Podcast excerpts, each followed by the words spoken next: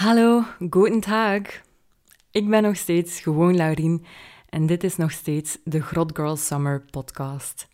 En mogelijk is dat een beetje jammer, want het had wel een zotte verrassing geweest. Had ik ineens gefreaky Friday met Megan Thee Stallion van een Hot Girl Summer gesproken. Maar nee, ik ben nog steeds Have you ever seen a white girl twerk, Laurien? En dat is ook oké. We doen ons best om een Hot Girl Summer te fixen, maar het is een Grot Girl Summer. En eerlijk, wat mij betreft, same difference. Welkom bij de Sex and the City podcast, aflevering 4.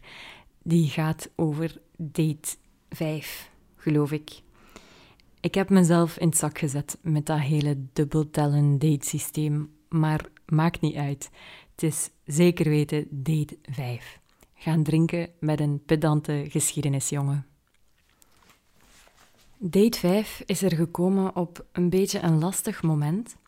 Want ik weet niet of je dit weet over mij of niet, maar ik doe een klein beetje soort van stand-up comedy. En dit is een vaag half toegeven, want met die paar open mics achter mijn naam ben ik ook niet van het luid verkondigen dat ik nu een comedian ben.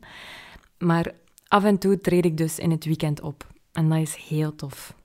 Ik word er oprecht super blij van om op een podium te staan en mensen aan het lachen te maken. Als het meezit, natuurlijk. En dat getjol naar verschillende plekjes levert ook nog echt eens heel veel nieuwe mensen op. En ook dat is best wel wijs. Ik heb de afgelopen paar weken echt al heel veel interessante nieuwe mensen leren kennen. Van andere podiumcholers tot gewoon comedy-enthousiastelingen. En ook al ben ik heel vaak in het algemeen zo van andere mensen zijn stom, is dit toch echt al zeer hard de moeite geweest. Helaas komt je natuurlijk niet altijd de toffe mensen tegen. En in de week voor date 5 had ik net het bericht te veel gekregen en ik had er allemaal geen zin meer in. En normaal laat ik de meningen van zelfingenomen mannen niet te veel aan mijn hart komen, maar ook in mijn echt persoonlijk leven was er wat shit gebeurd en het was mij allemaal gewoon te veel. En sorry aan iedereen in mijn omgeving die dagenlang mijn gezaag heeft moeten aanhoren om dingen die misschien klein en onbelangrijk lijken, maar ik kon niet meer. Kunnen, kunnen mannen, alsjeblieft, stoppen met opmerkingen over hoe kwaad ik eruit zie en hoe hard ik hen ga doodbliksemen met mijn ogen wanneer ik gewoon aan een tafeltje zit mijn tekst na te kijken. Ik zit hier gewoon na te denken, met mijn eigen zaken bezig en hoezo heeft dat iets met u te maken? Nee, ik wil u niet doodbliksemen met mijn ogen, want mega shocker, ik ben totaal niet met u bezig. Mijn gezicht is niet uw zaak. En nee, ik, ik hoef ook niet te horen hoe je Grot Girl Summer gênant vindt voor mij. Wat letterlijk onmogelijk is, want kijk naar mij. Maar ik hoef dan zeker niet dat je u alsnog ervoor gaat inschrijven. Ik wil uw gratuite ego-boost niet zijn en uw 40 minuten durende monoloog over hoe ik niet met mannen mag lachen tenzij ik eerst zeg dat vrouwen gek zijn, kan mij echt gestolen worden. Mm. Swat, het is gelukkig echt heel veel vaker, veel toffer dan dat, maar het lag allemaal een beetje op mijn maag. Gewoon omdat ik weet ook dat heel veel vrouwen dagelijks met zo'n shit moeten bezig zijn en ik word daar oprecht rete kwaad van. En ik voelde net precies de nood om nog eens te herhalen dat dit niet gaat over de leuke mensen waar ik onlangs mee heb opgetreden en ook niet over de mensen waar ik echt al heb mee gegrot girl summered. Maar eigenlijk is dat niet mijn probleem. Als je een tof mens bent, dan voelt je je hierdoor niet aangesproken. En als dat wel zo is, dan is het tijd om eens in de spiegel te kijken, denk ik. Hoe dan ook. Ik ga gewoon voort met één, mensen erop aanspreken dat het mij niet zint, in de hoop dat het ooit beter wordt. En twee, grot girl summeren.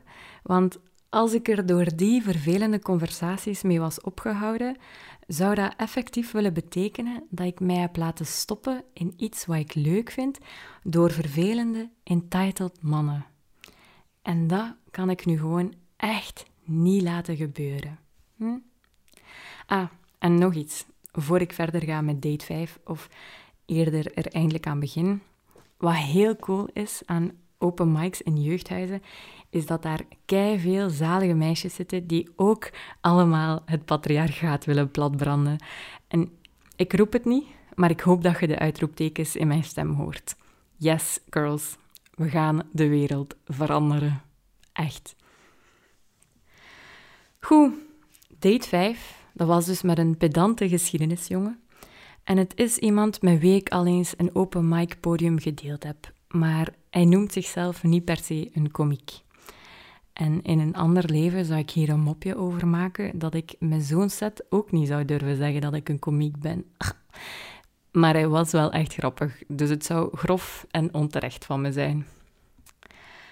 Het optreden zelf was een van de leukste die ik al gedaan heb. De andere sets waren goed en het publiek was mee. Ik zeg het, jeugdhuizen, echte shit. En na afloop ben ik nog iets blijven drinken met de anderen, die intussen waren bijgeschoven bij een tafeltje met meisjes.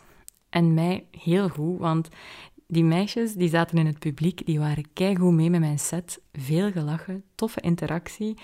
Dus ik was meer dan content. We hebben echt een superleuke avond nog gehad, waarbij toekomstige date 5 jongen al vertelde over zijn raarste date ooit. Um, en het was echt wel vreemd, moet ik toegeven. En helaas niet mijn verhaal om te vertellen, maar het was mijn chakra's. En de meisjes hebben ook uitgebreid hun liefdesleven uit de doeken gedaan. En fantastisch. Chefskis. Het is weinig verrassend dat ik hou van andere mensen hun datingleven uitspitten. Een date 5 jongen die vroeg toen nog eens wat er zou gebeuren als hij zich inschreef voor Grot Girl Summer. En ik zei ja, ik kom wel opdagen, want dat is het hele punt. Maar ik had niet gedacht dat hij het effectief zou doen, gezien we eigenlijk die avond al gepraat hadden. Maar ik heb iets eh, bedacht, beseft. Ik, ik heb bij het starten van dit project, denk ik, niet genoeg rekening gehouden met het feit dat het wel gieren is als iemand een podcast over u maakt. En dat dat misschien sowieso leuk is. Het is eigenlijk alsof dat je een uitgebreide Yelp-review krijgt. En aangezien dat mannen er toch... ik ga het gewoon zeggen. Aangezien dat mannen toch nooit nadenken of andere mensen hen ook zo leuk vinden als zij zichzelf, gaan die ervan uit dat het sowieso een vijf sterren glam review is, denk ik. En ik, ik spreek nu over mannen in het algemeen, niet per se over date 5. Hoewel ook niet per se niet-niet over date 5, denk ik. We zijn iets gaan drinken in een pop-up bar in een hotel. En ik vond het wel grappig, want toen ik zijn bericht kreeg, herkende ik de naam enkel als hotel. Absoluut geen weet van die bar. Dus ik vond het best al een zotte slash vreemde move. En ik wou toch meteen eens dubbelchecken dat hij niet gewoon een kamer voor ons geboekt had. Onwaarschijnlijk, hè? maar je weet nooit. Maar bar in de tuin, dat was het dus. En hij stuurde een dag op voorhand nog een keer een bericht om te verifiëren dat het echt doorging. En dat apprecieer ik wel. En ik snap het ook wel. Het lijkt inderdaad te mooi om waar te zijn dat je zo makkelijk met mij op date kunt gaan. Maar hey, soms zit het leven mee. Pedante geschiedenisjongen is ongeveer het afscheren van zijn baard verwijderd van de hipsters uit mijn blogposts te zijn. Hij had Sex and the City al eens doorgespit en ik had het gevoel dat hij het wel leuk vond om halvelings op mijn personages te lijken. En daarboven maakte hij ook nog het mopje dat hij gekleed was, zoals in mijn post. Is hij aantrekkelijk of draagt hij enkel tweedehands kleding? Of is hij aantrekkelijk of praat hij enkel over nichefilms? En in een poging tot humor en of flirten vond ik dat wel leuk. Het ging hem af. Absoluut hilarisch aan die hipsters is ook dat ze vaak geen smartphone hebben en zich nog behelpen met een oude Nokia. En dat was hier net niet het geval, maar Payconic, dat had hij niet ter zijner beschikking. En de ontdekking dat het hem niet zou lukken een drankje te bestellen, ging gepaard met een korte tirade over hoe kut het is als je niet gewoon bij mensen kunt bestellen en dat smartphones zo alomtegenwoordig zijn in de wereld. Hm. Hij heeft ook niet echt ongelijk. Maar zijn statement, wat als ik nu vandaag zonder gsm de baan op was gegaan, was dan iets minder herkenbaar, want ik, zeker op dates, blijf toch graag in de mogelijkheid een hulplijn in te schakelen. Maar zo kwam het erop dat, dat zijn huisgenote ook op date is en dat hij haar hulplijn is. En zo hebben we dus eigenlijk best wel snel, of zijn we snel aan een gesprek begonnen over hoe het toch nog verschillend is om te daten voor mannen dan voor vrouwen.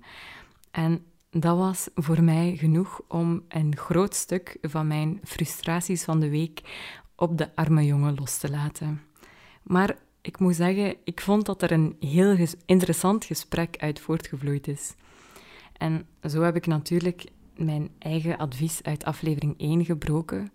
Misschien moet ik minder praten over dingen die voor vrouwen kut zijn, maar ik ben blij dat ik het deze keer opnieuw gedaan heb. Je kunt het niet flirten noemen, maar het was een verademing om eens te praten met iemand die het begreep. En zoals het twee pedante individuen betaamt, hebben het ook gehad over boeken en films. Vanzelfsprekend zijn zijn favorieten de Beats, maar oprecht, want hij heeft meer dan enkel On the Road van Kerouac gelezen. En fair enough, ik heb het niet gelezen, maar het past wel in zijn straatje. En ik ga ze nu toevoegen aan mijn lijstje, zodat ik er zelf een oordeel over kan vellen. Net zoals ik Fear and Loathing in Las Vegas gelezen heb, of The Sun Also Rises, Catcher in the Rye en al dat soort shit.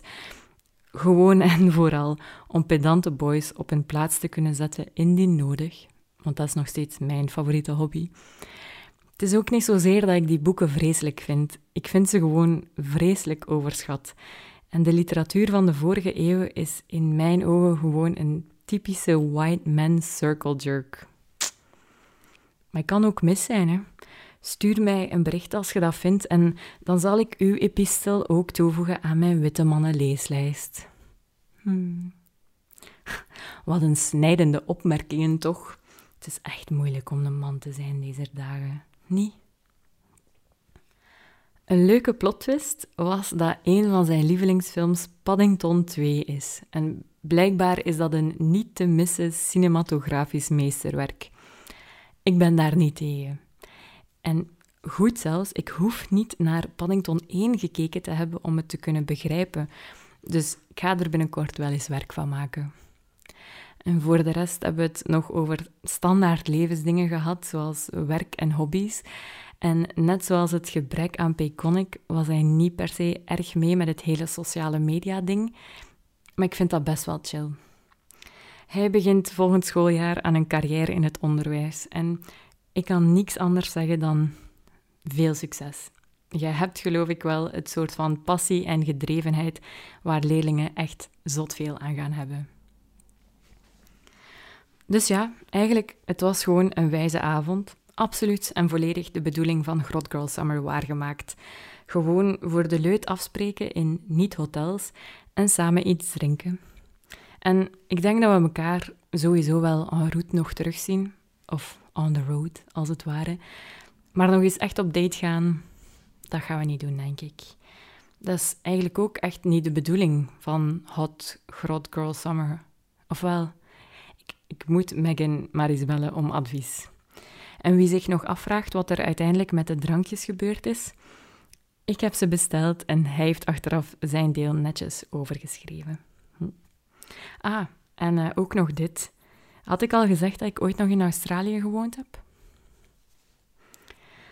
Goed, dat is date 5 afgehandeld. Ga nergens heen. Al, ik bedoel, je mocht wel u vrij bewegen in de wereld natuurlijk, maar kom terug, want ik ben intussen sneller aan het daten dan dat ik podcasts kan maken. Dus er komen nog verhalen aan. Zoals altijd wel met de kanttekening, indien ik niet vermoord word, natuurlijk. Maar ook date 666, waar ik het de vorige keer nog over had, is al gepasseerd. En het was niet de duivel, beetje jammer, Maar dat wil ook zeggen dat mijn hoofd nog relatief stevig bevestigd is aan mijn romp. Dus, so far, so good. Auf Wiedersehen, vrienden. En tot de volgende. Als je dit leuk vond, omdat je houdt van het onderwerp, of van mij, dan kan je altijd meer vinden via sexandthecitystories.com. En als je het niet leuk vond, dan ga ik ervan uit dat je niet houdt van podcasts, wat een, een grote assumptie is gezien dat we op Spotify zitten. Maar dan ga ik ervan uit dat je gewoon liever zelf leest. En ook dan kan je meer vinden via sexandthecitystories.com. Win-win-win!